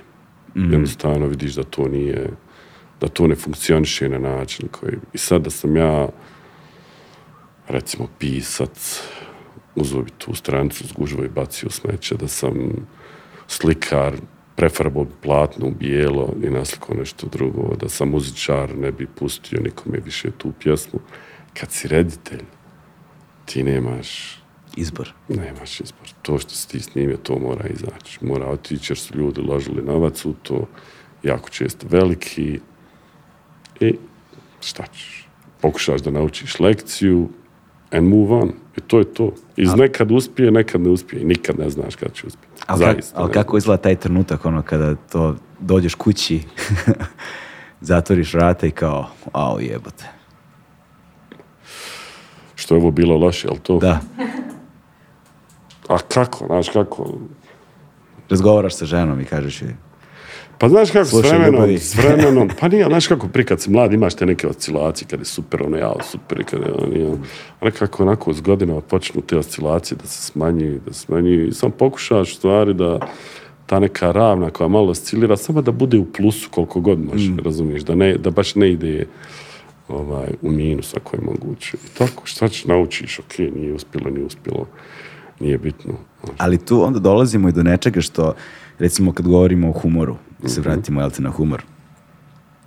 Vidim, jedna od najsmješnijih stvari koje sam ja napisao i kada je u stvari istinita priča, došao je moj rođak, sio i rekao, joj, joj, mi smo šta je, us- usred rata. I on je, joj, mi smo sad okružili ga, dali mu vode, šta si dobro radi, šta je. Joj, gledao sam televiziju, jao, da vidite sranje u Rondi. Mi smo u Sarajevu 93. mislim, ono, gori sve, razumiješ, ljudi umiru, mi ga gledamo, ne možemo uopšte da vjerujemo. Ja sam to napisao u ničiju, u ničiju zemlji, Čedo, producent, rekao, joj, ovo je stvarno previše. Ja kažem, nije, meni je ovo super, ali ako ne bude dobro, izba, izbacit ćemo. Ne želim da izbacim, razumiješ, Unapred. unaprijed. Želim, ono, jer jednostavno mi je bilo tačno, njemu je to bilo previše, okej da bi to u stvari se pokazalo kao nešto što ljudi dan danas ono citiraju iz ničije zemlje, sranje u Ruandi, ovaj, mada kod njih nije sranje, kod nas sad vjerojatno na, oni mogu govoriti o sranju u Bosni. ovaj, Sranje u Sarajevu. je, sranje u Sarajevu, apsurd ovaj, historije. Tako da ne znaš, zaista ne znaš, znaš. Čak sam, mislim, nije, nije bitno, desilo mi se par puta da promijenim glumce, da im promijenim replike, jer jedan ne može da kaže nešto, ti gledaš, uopšte nije smiješno, da drugi kaže i ono, svi popadamo od smija. Znaš, ima i to ima ljudi koji znaju ispričat vic. Ja mislim da recimo reditelj koji ne zna ispričat vic, koji ne zna nasmijati ljude, nikad trebao da radi komediju. Jednostavno, to je neki, za mene je to neki početak uopšte mogućnosti da, znaš, da shvatiš gdje je dramska pauza, šta je naglasak, šta je... Da. ovaj, se gradi ali ne znaš, ali ne, opet ne zavisi samo od tebe. Ti si napisao te riječi, ja često pišem svoje scenare, ti ih napišeš, ne znaš kako će funkcionisati, hoće li. Ti se nadaš, ali ali, bože moj. Ali, ali tu kažem, dakle, u, u komediji vrlo često funkcioniše i taj karakterni element, jel te, u humoru. I onda, kao što smo pričali o umetnosti, valjda pre nego što smo počeli da snimamo, nisam više ni siguran, kako umetnici koji se ono bune protiv recimo stvari koje se dešavaju u veštačkoj inteligenciji jeste zbog toga što veštačka inteligencija preuzima stil i ti onda tvrdiš da je to malo ono klizav teren iz prostog razloga zato što a, to onda govori umetnicima koji su upali u nešto što se zove manirizam. Da. Znaš, I tako sa, sa, sa kara- karakternim humorom ume da bude isto, da krenu ili glumci ili komičar ili kogod tom linijom manjeg otpora i onda znaju da im ovo leži i onda jašu po tome konstantno. Ili reditelji, autori, bilo koji, bez obzira šta je. Da li je to ova ili ona forma. Ali ako sad recimo ako uzmemo samo ove filmove koje smo pominjali u ovom razgovoru, svaki je potpuno drugačiji. Dakle, potpuno drugačiji svaki. I tematski, i stilski, i formom. Jedan je i poludokumentarni, dokumentarni, šta god, igrani, ovakvi, onakvi. Budžetima, svima, na svaki mogući način se razlikuju. Ali, jedino Đura je skoro svim. ali, ovaj, ali, a, onda kada izađe nešto poput 10 upola, znaš, pitanje je šta, je očekiva, šta su očekivanja publike u tom smislu. Znaš, I da li onda imaš iznevereno očekivanje ili nemaš iznevereno Pa očekivanje. ja mislim da su sa mnom već naučili da se očekivanje uvijek iznevjerena. Da. Jer, znaš, ako ničije zemlje, ja sam snimio film Pakao po Kišlovskom, da su ljudi izašli on malo zbunjeni, znaš, svi su mislili da će se malo nasmijat. Ovaj, ma onda su potpuno zbunjeni izašli. Ja, Da, to je zanimljivo, pošto je, film. pošto je Kišlovski umro Da. pre nego što Da. je film sine. Kako je to zapravo to, taj, taj, taj procedura izgledala? Ma to je, to je duga priča. Ja sam nakon ničije zemlje mogao raditi što sam htio otprilike. I onda su mi, čak su mi nudili da radim uh, Purgatori, čistilište njegovo. U stvari, no, bilo mi je zanimljivo, ali to bio još jedan film o ratu. Da. ratni reporter, nije bitno, ja sam rekao ne hvala, ne zanima me, onda sam krenuo da radim nešto drugo, trebao sam, u stvari trebao sam raditi film s Monikom Belucci. I onda je Monika zatrudila nakon ona što smo mi ovaj, pisali, tražili lovu i sve, i onda sam ja odustao, kao, ja ću čekat sad dvije godine da, da se ona vrati, onda mi je ostao neki prazan prostor i u to su, u to su Miramax koji je tad imao prava, izgubio prava, ja nisam nikad želio da radim s Miramaxom, meni je gospodin koji je u zatvoru bio odvratan od prvog dana, ovaj, jer ima neki odnos prema rediteljima koji inače američki producenti imaju u kojem su oni vlasnici svega i tako se ponašaju i govore rediteljima šta da rade, ja kažem pa evo režiraj tako mislite. Nije problem. I ovaj, ni- nisam želio da radim sa njom, onda su izgubili pravo na taj film. I onda je moja ovaj, agentica u Parizu, koja je tada bila i agentica i Kišlovskog i Pješevića, nešto mi to rekla usput, ja kažem, majke, dam je na tri da pročitam, ono, davno, i onda me ono dala i onda sam krenuo da čitam ponovo Purgatori i dosada mi je bilo. Taj koji mi se svidio. Onda sam uzeo pakao, onako čudno, i završio i legao i cijelu noć razmišljao ovaj, o sebi, o svojoj porodici i nekako je tako krenulo. Onda sam rekao, možda bi ja ovo uradio. I onda, pošto ja volim Kišlovskog, razlika između mene i Kišlovskog je što on bio duboko religiozan katolik, a ja sam duboko nereligiozan bosanac. Ovaj, I a, onda sam ja pregledao sve njegove filmove, pošto je to bilo 17, čini mi se, ili 19 strana je bilo scenarij, to nije bio scenarij, to je bio neki... I onda sam ja uzeo sve njegove filmove, sve scene, sve onaj neke ovaj, stvari koje sam volio kod njega, skupio, popisao sve što volim i onda uzeo taj scenarij od 19 strana i unio sve ove elemente njegove vlastite u tu priču i napravio to što je bila osnova ovaj pakla. I onda, znaš, ono, kad, kad, kad uzmeš od nekoga neku jednu stvar, onda kaže ja ovo si ukrao od ovoga kad ukradeš sto stvari, onda kaže, a da, to je omaž. Tako da sam ja napravio omaž ovaj, Kišlavskom, ovaj, koji je nereligiozan. A meni je taj film jako drag, jer sam prvi put u životu imao priliku onako da uzmem kameru i, i da imam budžet, da ne, da ne razmišljam jel mogu snimiti ovo ili mogu snimiti ono, mogu sam raditi šta sam htio. I baš sam i radio, baš sam uživao nekako u nekom tehničkom aspektu. Taj film je prelijep, to možda još uvijek jedan od najljepših filmova vizualno koji sam snimio, jer sam zaista imao ono, čedu iza sebe koji sam rekao idi igraj se, radi što god hoćeš. Ovaj, I bilo je jedno divno iskustvo. Da, a, Koje je rijetko, zaista rijetko je da, to jeste. da To imaš u svijetu filma, da imaš producenta koji ti da povjerenje kaže evo vidi šta god hoćeš. Kaže, teraj. Yes, šta god hoćeš. Ali opet s druge strane, znaš, a, takva, nije takva sloboda za svakoga. Posebno kada govorimo o tim budžetima. Jer ljudi to dožive ili kao pritisak ili, ili, ili se ne snalaze u tome na najbolji način. Znači, sloboda je vrlo zeznut pojam u tom smislu. Kolokvijalno je svi na papiru žele, ali jednog trenutka kada im daš, ispostavi se da su im pravila mnogo bolja. Da. Znaš kako to, ima različitih reditelja, ima ljudi koji rade na ovaj, na onaj način. A, ja stvarno film doži- doživljavam kao umjetnost, e, zajedničku umjetnost. Da. Znači ja kad biram glumce, ja biram glumce koji su dobri. Prvo želim da biram glumce sa kojima želim da radim, za koje mislim da su dobri.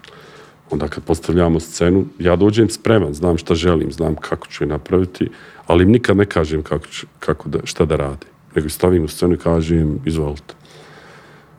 Pa ako im ja kažem šta će raditi, onda će raditi što sam ja rekao. Neće mi nikad dati ništa svoje, neće mi donijeti nešto, razumiješ. Tako da ja pustim da vidim kako oni to vide. Kako su oni zamislili, da. Pa sjećam se, Manuel Bear je u jednom trenutku, u jednoj sceni uzela sto i prevrnula ga. Kad je krenula prema mužu mi smo ono, ovo stan, kao, zašto prevrnula sto? Kaže ona, jo, moja mama uvijek prevrće sto.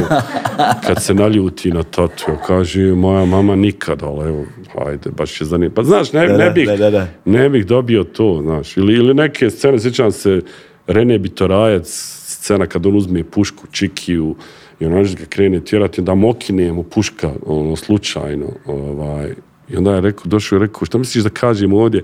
Evo vidiš šta mi radi, znaš. To je toliko smiješno bilo, ali nije bilo u scenariju, razumiješ? Tako da, ako pustiš glumcima da ti donesu te neke male perle, znaš, samo to onda nekako, samo zakitiš film još više.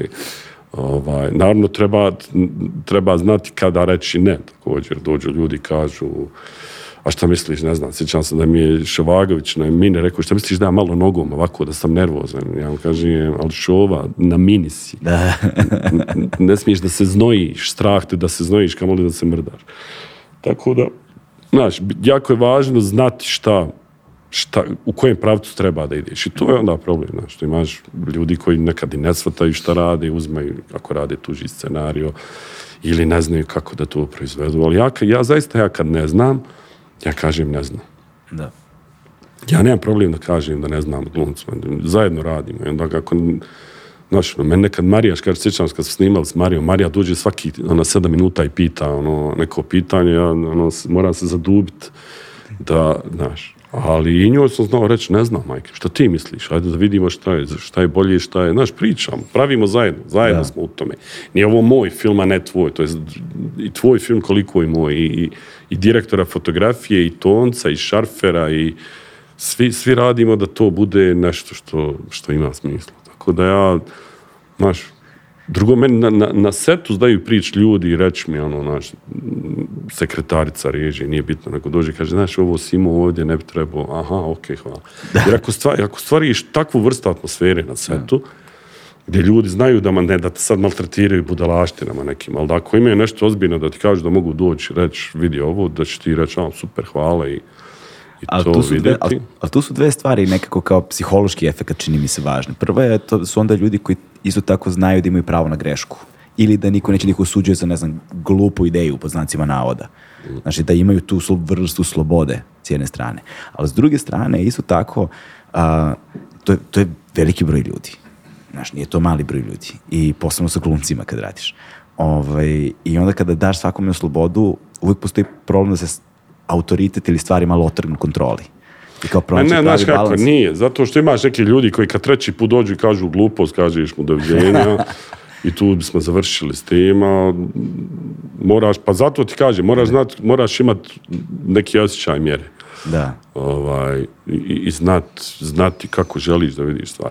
Ali vidi, ja kad snimam film, ja sam najsretniji na svijetu. Na mom se setu stalno smije, svi smo u dobrom raspoloženju, jer ako nisam tad dobro raspoložen, ne znam kad ću biti. Ma kad, je teško i kad, je, kad su zeznute scene, kad snimaš u tri ujutru na minus 20, ovaj, svejedno smo sretni što nekako, to je neko ludilo, ovaj, ne znam kako to drugačije da, Da, da. opiše. Znaš, možda bi na stvar stvarno trebalo pregled na psihijatriji, jer da ti u, na minus 23 ujutru gledaš neki mali ekrančić i kažeš, ju, to je, znaš, ono, to je to. Mislim, Nije to ono, sad psihijatrija, to je Svi ljudi spavaju onako mir, znaš, od ujutru na posao, vrati se u četiri, imaju neke normalne živote, a mi smo pa nekim, Bog te pitao, ovaj, Nije znam, to psihijatija. To Pa- samo znači da to voliš da radiš. pa jest, pa ne, mislim, i rad je, i, i- i rad je tu upitno, znaš, meni moja žena uvijek kaže, ma ja ideš da radiš, jer, ono, jer ja volim to što radim i ja ne izgledam kao da radim i nekad znamo po 17 sati onaj, biti na setu i raditi, mislim, ja bi to radio da me ne plaćaju otprilike, ne, ovo iz, izrešte ovo, čuće, producent, smanjit će mi odmah plati, ovako je stalno smanjuje. Ne vrije ništa, sve ide. Hvala ti. Nema na čemu. Ajde, Ali recimo stilski mi je također strahovito zanimljivo, evo da pomenemo još jedan film, ovaj, Smrt u Sarajevu. Ovaj, stilske odluke koje su tu donešene da se uklope u narativ. I, ovaj, I kako imate paralelne, jel te, uh, bukvalno, bukva- bukvalno kao, kao slika čini bukvalno paralelne narative. Dakle, te kadar sekvence koje se dešavaju te unutra hotela, pritom su pošto je hotel Europa sve vreme snimano u Holidayu. Holidayu snimano, tako Yes, da je. da. Ovaj, pa onda taj deo na krovu koji je kao novinarski segment da se smenjuju ovi stručnjaci ovaj, koji ima taj televizijski jel te, moment, pa onda a, nadzorne kamere i sad kao kako je izgledao taj proces donošenja odluke oko toga kako će stilski i da se, da se, kreira, da se kreira taj film i, ovaj, i otkud baš ta drama? Ja, duga je to priča. Ovaj, Bea Shell, Bernard Henri Levy, kojeg ja znam dugi niz godina, uh, je došao sa Dinom, došao da radi svoj novi tekst, dramski koji je napisao i počeo ga raditi s Dinom Mustafićem.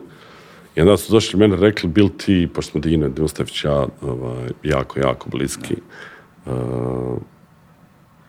pitao me bil ja napravio neki dokumentarni film o tome. I to je bila neka godišnja, stogodišnjica početka ovaj, Atentata, atentata, ili rata. jeste, jeste, prvog svjetskog rata. I ja sam u stvari sa njima krenuo, pa smo bili, ne znam, u Sarajevu, pa smo bili u Parizu, pa smo bili u Maroku gdje su oni pravili probe. Tako. Ja sam to nešto sve snimao sa Erolom, ali jednostavno nisam vidio film. Znaš, te, mislio sam da, da, da radim film o procesu, ali je teško kad imaš jednog glumca i reditelja, razumiješ, nema, to je monodrama. imam ja tu baš nešto, ovaj, znaš, a, a ideja je bila, bio jedan davno, nisam ga odavno vidio sad, po sjećanju, govorim, mislim da zove Looking for Richard. A, znam, Richard treći. Uh, um, jo, to je, to je Al genijalno. Tako je, e, to je genijalno urađeno. Now is the time of our discontent made glorious summer by the son of York. Ja, vidiš, Eto, vidiš. glumiš. Eto, a, degu. Ovaj, Hvalim se malo, znaš, pusti. Dobro, bravo, bravo. Odlično. Pravim se Vidim, pametan, načita, ne praviš, pametan si. Stigne Ovaj, čorova posla, da. I to je bila neka ideja koja bi je bila zanimljiva, ali nakon ovako tri mjeseca hodanje po raznim ovaj, dijelovima Evrope i svijeta sa njima, pošto su oni tu putovali nešto po raznim zemljama i znaš, ono, sad mi smo u Maroku, Marakešu i njih dvojica probavaju, pa smo u Parizu, pa njih dvojica probavaju, pa smo u Sarajevu, pa njih... Mislim, nisam uspio da nađem ključ. Jednostavno, naš, ne znam, snima. Više sam iz prijateljstva prema, prema Dini i, i, i, i Leviju, iz poštovanja nekog prema njemu. Više sam bio, hajde da nešto probam, bio sam slobodan tada. I nakon tri mjeseca sam nazvao producenta i rekao, nešto. Ja stvarno ne znam što da napravim od ovog materijala. Mi smo to trebali snimati još ono devet mjeseci, neki, jer je to trebalo dugo, neki taj cijeli proces. Ja kažem, ne morate ništa platiti, sve je vaše, materijali su vaši, ja odu kući. I onda on, pa ej, ali imamo budžet, pa šta ćemo? Ja sam rekao, sorry, stvarno ne. I onda sam otišao u kuću u Sarajevo, nešto sam krenuo da radim. I onda on nakon dva mjeseca ponovo on zove.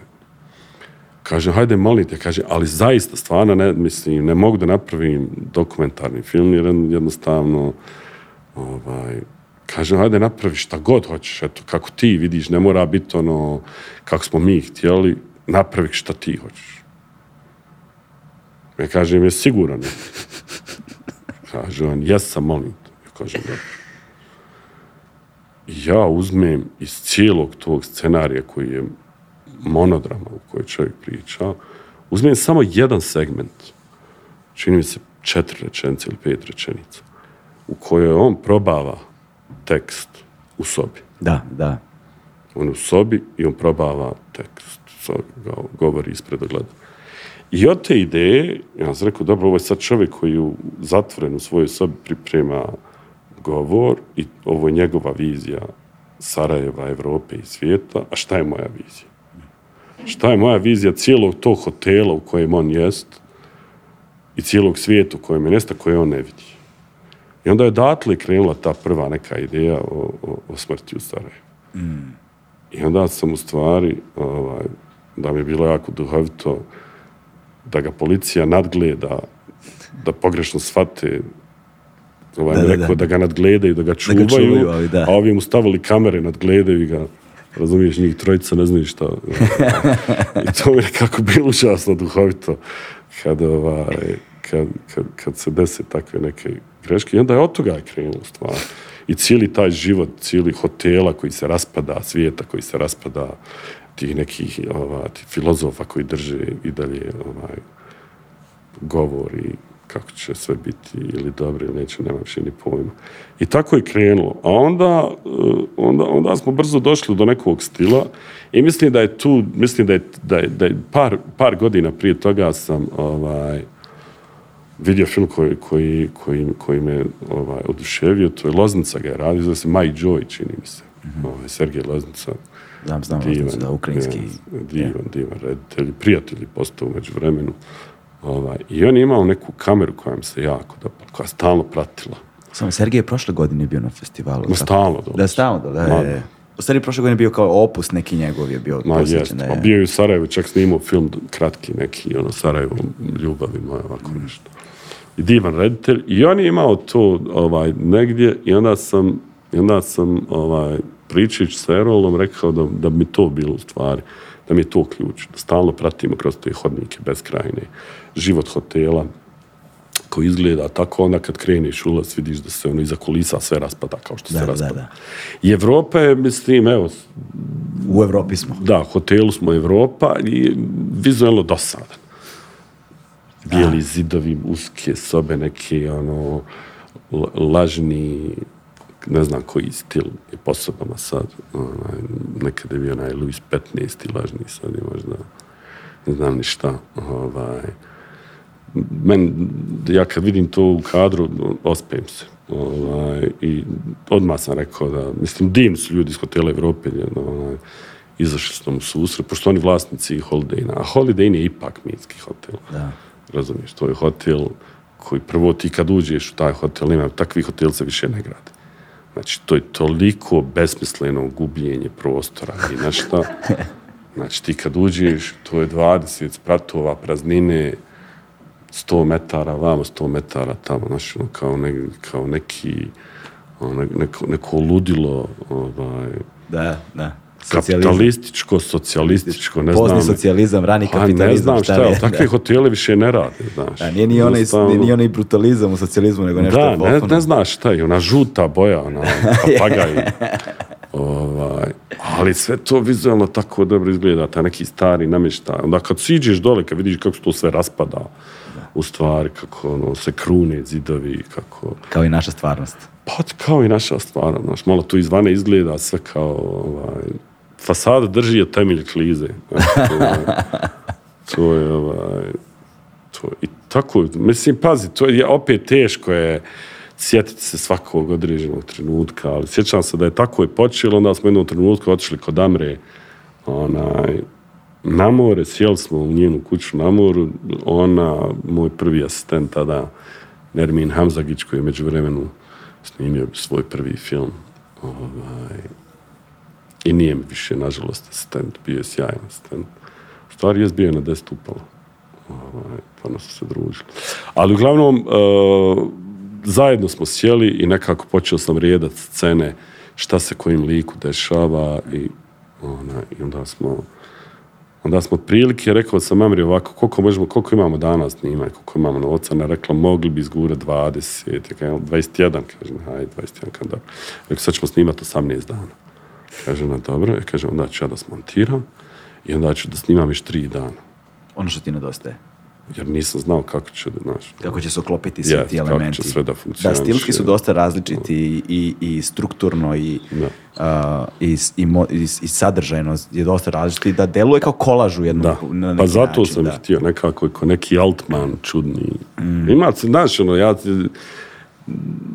ja nemam problema sa, sa, sa referencama na neke velike reditelje koji su, mi- mislim, ja, ja sam to rekao, pa o, mislim, pazi, sad učiš, kad sam učio prve korake, gledao sam i, i Felinija i, i rekao sam ti i Desiku i, i Forda i da ne nabrajam sad sve velike reditelje, ima ih, ima ih puno. Uči, tako učiš, sve tako učiš. Znači, gledaš, vidiš, aha, kako je ovo napravio, pa pokušaš ti da napraviš, onda iz toga nešto drugo izađe. Znaš, mislim, ti kad gledao My Joy, moj film, ne bi vidio neke neke, vjerovatno nema ništa što, ali taj način na koji se snimio je bio inspirisan ovaj, filmom My Joy, a način na koji se napisao priču je sigurno inspirisan Altmanom i njegovim načinom. Mada ga ne vidiš, nije, ja. Da, ali ti znaš da je tu. Pa meni je negdje onda ti to uzmeš i od toga, znaš, to je kao... Pa da, ali bez obzira, mo, on, nešto, moraš da imaš početnu ulaznu tačku, znaš, onda će ona da evoluira, da se transformiše, Tako. da doživi metamorfozu, da se pretvori u nešto i dopada mi se zapravo ta tvoja ideja, princip negde, intuicija, možda i malo hrabrosti, ovaj, da u suštini kada praviš takve filmove, kažeš sebi je, na kraju ću još tri dana snimanja da dodam, jer ne znaš zapravo kako će Pa to to je na jednom bilo. Volio da je tako češće, nažalost nije. Ovaj, nažalost, uglavnom, uglavnom su nam budžeti sve manji i manji. Znaš, ja sam nekako mislio da će s godinama da bude sve lakše i lakše, a u stvari ispada da je sve teže i teže. A mislim, jedan od velikih razloga, eto, pričali smo o medijima, jedan od velikih razloga je što jednostavno piraterija je ovaj, od piraterije profitiraju velike ove tehnološke kompanije tipa YouTube Da. ovaj, ili ne znam Amazon ili Google ili, ili sve te neke firme. Jer, rekao sam, 117.000 sam neki, jučer mi neko pitao za rekao, ja gledao sam da je stupala, kaže, gdje gledao? Pa na, ovom, na YouTube. Ja ovdje im 117.000 pregleda. Ja nazovem procente, kažem, pa stvarno, mislim, što radite? Kaže, ovaj, pa skinuli smo 20 puta, dosta smo skinuli. Znači, ako je 20 puta skinut film, Da. ako je svaki put bilo 100.000, ovaj, gledalaca, to je vjerojatno da je po Mark svako dao, to je dva miliona. Mogli smo snimiti onaj, no, tri nova filma. Ja, kad bih počeo ti pričam kako se zarađuje preko YouTube-a, pao bi ti mrak na A oči. ja ne znam kako vi uopšte radite. Ono. Mogu žem poslije Ali eto, ne izgledaš neuhranjen. Kao. Trudim se, mogu ti reći, trudim se. Pogotovo trudim u se. Ma idi. Teško je biti neuhranjen u Sarajevu. To, vrlo teško, to, i- to si lepo rekao. Ovaj, I za kraj samo... Kako ov- kraj? Pa evo, stigli smo polako do kraja. Ja, ja tek početak. Eto, vidiš. Ovaj, I za kraj samo dve stvari. A, prva je, imamo jedno festivalsko pitanje za tebe. Ja, Evo, festivalsko pitanje za tebe, to je šta Sarajevo Film Festival čini neprocenjivim? to što je u Sarajevu. Ovaj, to je jako teško pitanje. Ovaj, I jako je teško odgovoriti jednostavno na njega. Šta Sarajevo festival čini neprocjenjivim? Jel ti hodaš po festivalu? Pa da. Pa znači, prvo, I muzičkim i različitim festivalima. je. Pa prvo, jako je malo festivala u kojima su stvari neposredne na način na koji su u Sarajevu. Da, to je istina. Znači, da može ono, da možeš vidjeti studenta ovaj, da sjedi s Charlijem Kaufmanom i pita ga za, ono, za savjet kako da nešto uradi. Eto, to sam recimo doživio jučer. Charlie Kaufman koji je ipak jedan od najvećih pisaca današnjice sjedi i da ga maltretira neki student ovaj, sa svojim pitanjima, a on onako odgovara Malo anksiozno. malo anks- s njemu je sve anksiozno, ali zato ga valjda i volimo. To je recimo, to je neprocjenjivo. Uh, neprocjenjiv, šta je, neprocjenjivo je za ovu zemlju, uh, za ovaj grad, da ljudi imaju pristup najboljem što se vidjelo u zadnjih, recimo, osam mjeseci u svijetu filmu. Znaš, ti više nemaš gdje da vidiš to. Ti više nemaš gdje da vidiš filmove koji igraju na ovom festivalu. To je istina. Ako ne odeš na velike festivale, ako ne odeš na Cannes, ako ne odeš na Veneciju, ako ne odeš na Toronto, ako ne odeš u Berlin, ako ne odeš u... Znači imaju ljudi koji odu na te festivale, vide šta je najbolje i dovedu to u Sarajevo. Znači to je za kulturu jednog grada, za kulturu jedne države ovaj, neprecenjivo. Neprecenjivo je što je Sarajevo Film Festival a, kroz godine napravio veliki broj prijatelja ima veliki broj ljudi koji nikad ne bi došli ovdje, a koji nekako stavljaju neke stvari na, na mapu. Što smo napravili veliki broj prijatelja. Što ljudi nekako sad znaju za Bosnu i Hercegovinu. Mislim, Sarajevo je, ma, mi smo, da kako ti kažem, mi smo i u evropskom nekom nivou smo, ono, smo smiješni, na svjetskom, kako ti kažem, ja se sjećam kad mi pričao jedan kinez, ovaj, kojeg sam upoznao, sjećam se više imena, sreli smo se u Torontu i, i mi je počeo pričati o svom filmu koji se dešava u malom kineskom gradu. Ja kažem, koliko živi ljudi u gradu? Kaže, 11 miliona. Znaš, da sjećam kad sam u Pekingu, kad smo zvali da, da, da, da, da, ovaj, da, pra- da dam časove na, na akademiji. I sad ja kažem, da, hajde, mislim, ono, mogu sat vremena pričati studentima, koliko će biti studenta? Kaže, on, mi nećemo pustiti više od 2000. Kaže, Koliko imate vi studenta? Kaže ona, pa zavisi koliko ocijeka. Kaže, meni, vi predajete? Pa kaže, im ja, pa koliko vi studenta imate? Kažem, četiri. Kaže ona, hiljade, kažem, ne, četiri. Sad mene gleda, ne razumije me, ja nju ne razumijem, znaš, sve, sve pitanje su brojke. Ovaj, tako da, znaš, Sarajevo je jedan mali grad, lijep, nekako, zato sam snimio 10 stupova, recimo, to je neki, neki, moj prvi stvarno sarajevski film, jer ja volim tu, tu, taj feeling koji, koji ovaj grad ima i koji još uvijek nije izgubio, mada ga ono maltretiraju svi i čereće, ali ima, ima taj još uvijek taj neki ovaj lijepi šmek. A, neprocjenjiv je zato što je odgojio generacije nekih klinaca koji su imali gdje da sretnu ove ljude. Neprocjenjiv je zato što su ovdje nastali neki od najljepših filmova da ljudi čak ni ne znaju da su nastali na Cinelinku Da. ovaj, neki turski filmovi, neki srpski filmovi, slovenački, italijanski, bugarski, ovaj, da, smo, da smo doveli te neke klince koji su tad bili klinci, sad su neke Razumiješ? Zvučna imena. Pa jesu, ja sjećam, ovaj, sjećam se, ne znam koja je to godina bila, uh, 2004. čini mi se. Ovaj, smo doveli čovjeka kojeg tad niko nije znao, zna ga je Čed, Čedomir Kolar. I to je pravo smiješno bilo, kao meni Čedo, kako ti izgleda? Ja ne znam, malo papak, onako engleski. Kaže, ja ti stvarno kretin, ono, on će biti veliki, ja kama boli me briga, hajde pusti. I onda ti to ljeto dovedemo čovjeka tu i dođe u Sarajevo duševi se, ja, kako je super ono, mi kažemo, onaj, šta ti, šta ti je sljedeći? Kaže on, postao sam James Bond. Kaže mi, ja, majke, kaže, "Mm, ja, ja kao, hajde Daniel, super, drago nam je. Da će jedan pogledamo neke koji si ti kreteni, ono, da ga uzeo prošle godine za film. Došao bi za džabe. Ja, pa tad, tad ga niko nije znao. Pa ja ću kažem, znači Daniel Craig koji je tad ono, nije, nije bio, bio u Engleskoj, hajde da kažemo, pa zna, to sad je ono mega star. Ovaj, to su isto neke lijepe stvari. Da ne znam, John Cleese koji mi je došao kući na večeru, ovaj, imao sam priliku da ugostim čovjeka za kojeg ja mislim da je najveći.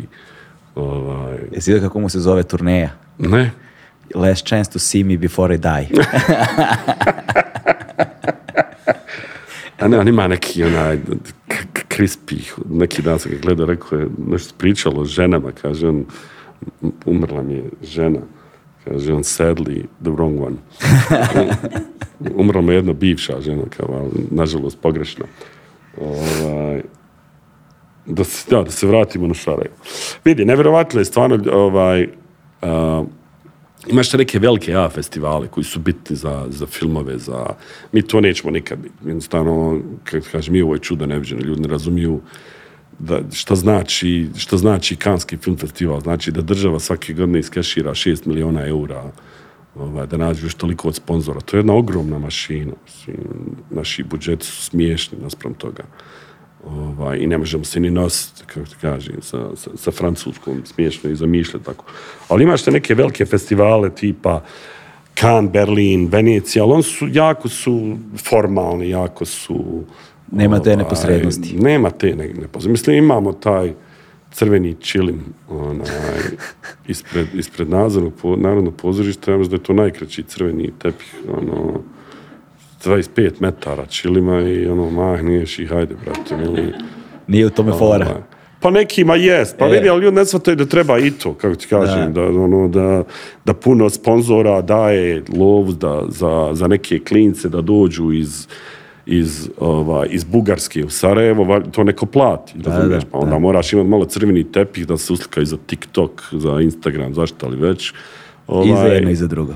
Ma dobro, i za treće nije bitno, ali onda te pare koje, znaš, koje ti sponzori daju, onda se te pare ona nekako napravi da dođu ovi neki klinci koji zaista hoće da pravi filmove kojima je to važno. Tako da, znaš, ne možeš jedno bez drugog, ne možeš...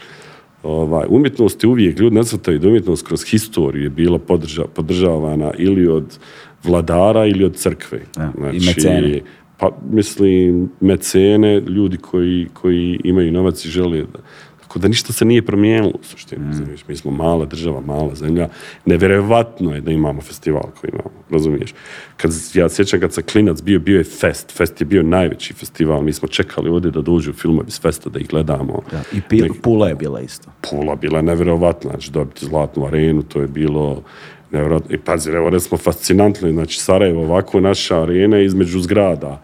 Jel, ono, napravili smo kino i napravili smo brend od toga, nismo mi, Miro Purivatra je napravio brend od toga sa svojom ekipom, evo sad ono, Jovan koji nastavlja. To su zeznute stvari. Ljudi ne shvataju koliko je to uloženo znanje. Možete imati novac. Ima, ima festivale koji imaju novca i ništa. Da. Svataš. E, ne zna koliko pula ima novca, ali postala je nebitna. Jednostavno zato što ljudi koji vode taj festival nemaju viziju šta taj festival treba da bude i šta bi mogao da bude. Ali znam da Sarajevo ima pulu, tu arenu, predivnu, prelijepu, rimsku, gdje bi nam kraj bio, kakve bi to projekcije bile. Ali, kažem ti, ponovo, znači, Miro Purvatra, njegov tim, uvijek je do ljudi. Ja kad sam došao, ovaj, kad sam došao 2001. sa ničijom zemljom u Sarajevo, i kad sam vidio festival, kako ga radi, kako ga prave, ja sam rekao, znaš šta Mire, ja ću vam dovesti ono, svu raju koju sam ono, upoznao praveći, hodajući po svijetu i tako je bilo. Da, sjećam se jedne godine sam dobio pet Oskarovaca, za stolom sjedi. onaj, baš, znaš, od, sjedi, ne znam, Hugh Hudson, onaj, kak se zove, Mike Lee, uh, Anthony Mingela. Mislim, znaš, ono, sjede ljudi, sjede ljudi u, u kafani na baš čarši i ćevape. Jedu, ma, nije bitno što jedu, nešto dobro jedu. no. I to, znaš, to su divne stvari. Da. I još jedna stvar, pričali smo jutro sa Mikijem, ovaj, čuli smo da spremate novi film. S Mikijem Kako, Jačimović? kako? Jačimović. priča. no. Iz Letovana. Da. Pripremamo, pripremamo film, idem za, evo, za četiri dana idem na, na otok Prvić da snimamo. Pa i to je opet čudna priča. Svi, svi filmovi čudne priče. A, Nikola Kuprešan sa kojim ja sada radim, u stvari Anja Matković koja je glumica u, u Zagrebu s kojom sam se upoznao kad sam radio ovaj, uspjeh, u stvari ne Kruno Lokotar, pisac, Aha, da. pisac u Šibeniku mi je rekao, jao ima ovaj divni dečko jedan, jer smo nešto pričali da, da mi piše nešto, pošto kažete, ja ne volim da piše. E, i Kruna mi je rekao, ima Nikola, ovaj, kažem, ko je Nikola? Kaže on geometar, ovaj, ali super piše. Ja kažem, hajde, dobro. Ono, ali nešto je napravio ovo, ja kažem, super. I onda mi Anja kaže, i upoznala sam ovoga Nikolu, baš je divan dečko, onaj, ja, hajde, rekao, da vidim ko je Nikola i nazovem Nikolu, čao, rekao, ajde, pročita nešto napisao, pa mi reci šta misliš, i on me nazove nakon dva sata i onako, razloži mi, znaš, kaže, što je zanimljivo, a rekao, je, bil ti došao u Sarajevo, kaže, što, rekao, da nešto radim, kaže, on bi, i onda dovedem Nikolu. I onda smo se počeli družiti, tako nešto radi, radili smo na nekom scenariju, i onda Nikola koji živi u Zagrebu, se onaj, počeo družiti sa Anjom. Ovaj, ko- k- i počeli su raditi zajedno na nekom scenariju, onda sam napisali neku prvu verziju scenarija i rekli, bil ti režirao? Ja sam rekao, super, hajde kad skupite pare, misleći da će to biti ono, 2029. nemam pojma, znaš. Kad ono na jednom pare, jedne pare, druge i, I eto. i eto. A film je... Ovaj, a onda za Mikija da završim, a Miki, a onda sam počeo, onda sam Erol s kojim radim, Erol Zupčević s kojima često snimam i zauzet radi neki, neku seriju. I onda sam htio da probam nekog novog i gledao sam gledao za različite direktore fotografija u regiji i onako nisam nisam mogao da ništa, ništa što je što mi je zanimljivo za ovo što ja hoću da radim. I onda mi je Lana Matić, koja je producent onaj, i dvorci su rekli, i znaš šta mi radimo s ovim Mikijem, onaj, on je zanimljiv, pa kaže, imate neki šur? Ili kaže, nemamo, ali imamo neki par kadrova, ono, upravo je snimio, poslao nam iz Herceg Novu i pustim prvi kadar. Ja gledam, rekao, vidi, majke. Drugi kadar. Ja kažem, zovite ga, to je to. Dva kadra sam uvidio. Tek sam poslije shvatio da znam i filmove koje je prije radio i ima neki, ovaj, kako se zove, ima neki lijep dar, a mislim da je to ono što je potrebno za ovaj film na način na koji hoću da ga radim. Ovaj, tako da se nekako, a usto je filozof, više je filozof nego direktor fotografije. Znači, znači u Jeste, životu mi jeste. se nije desilo, no, upoznavam se, s kad, do, do, da se upoznamo i onda prvi put se upoznam, donesem im knjigu. Transcendentalnost u filmu. Znaš, ono, ja sad dođem kući, malo me glava boli, ali eto čitam. Ovaj, jako je zanimljivo da ti kažem. Jeste. I, ba, I baš se radujem da ćemo raditi. Imamo neki... Zanimljivo je uvijek raditi s novim ljudima. Mislim, lijepo je raditi sa ljudima s kojima si prije radio. Ali uvijek zanimljivo ovaj, raditi s nekim ljudima za koji nisi, jer je to kao neka ljubavna veza. Znaš, ono, ispipavate se, malo se gledate, malo razmišljate, malo... Ašikuje. Je, pa ašikujemo, da, da, znaš, on tebi nešto kaže, ti njemu nešto kažeš, mada on odmah izvuku transcendentalno. Na to nemaš čime da odgovoriš, nego samo da ono, Tako da, Pozdrav za Mikija. pozdrav Miki, jest. Nadam se da će nam, siguran sam da će nam biti zanimljivo i lijepo i da ćemo raditi teško, ono, I naporno. naporno. I za Na, male ot- pare. na otoku Prvić, da, to je uvijek. Ali ako ništa, bit ćemo na otoku. Jel Prvić, Prvić, ne znam nikad kako se kaže, kam Prvić, on ni Prvić, nego je Prvić. Eto, prvi ću. Ćemo biti... Hoćemo li saznati o čemu je film? Mm, Neću, ja nikad ne govorim o budućim projektima, a ovaj, da sam ga htio prepričavat, onda bi... Ne bi ga snimao. Ne bi ga snimao ovako, tako da ne. Ali neka priča o odrastanju, ljubavna priča. Imam super glumačku ekipu, jako sam sretan. S nekima sam već radio par puta, s nekima ću prvi put. I, eto, Hvala ti puno. hvala tebi. Nadam se da nije bilo strašno. Nadam se da tebi nije bilo. Meni je bilo odlično. Ja sam baš uživao. Veliko je zadovoljstvo. Sam. Hvala ti. Hvala tebi. Ćao. Ćao.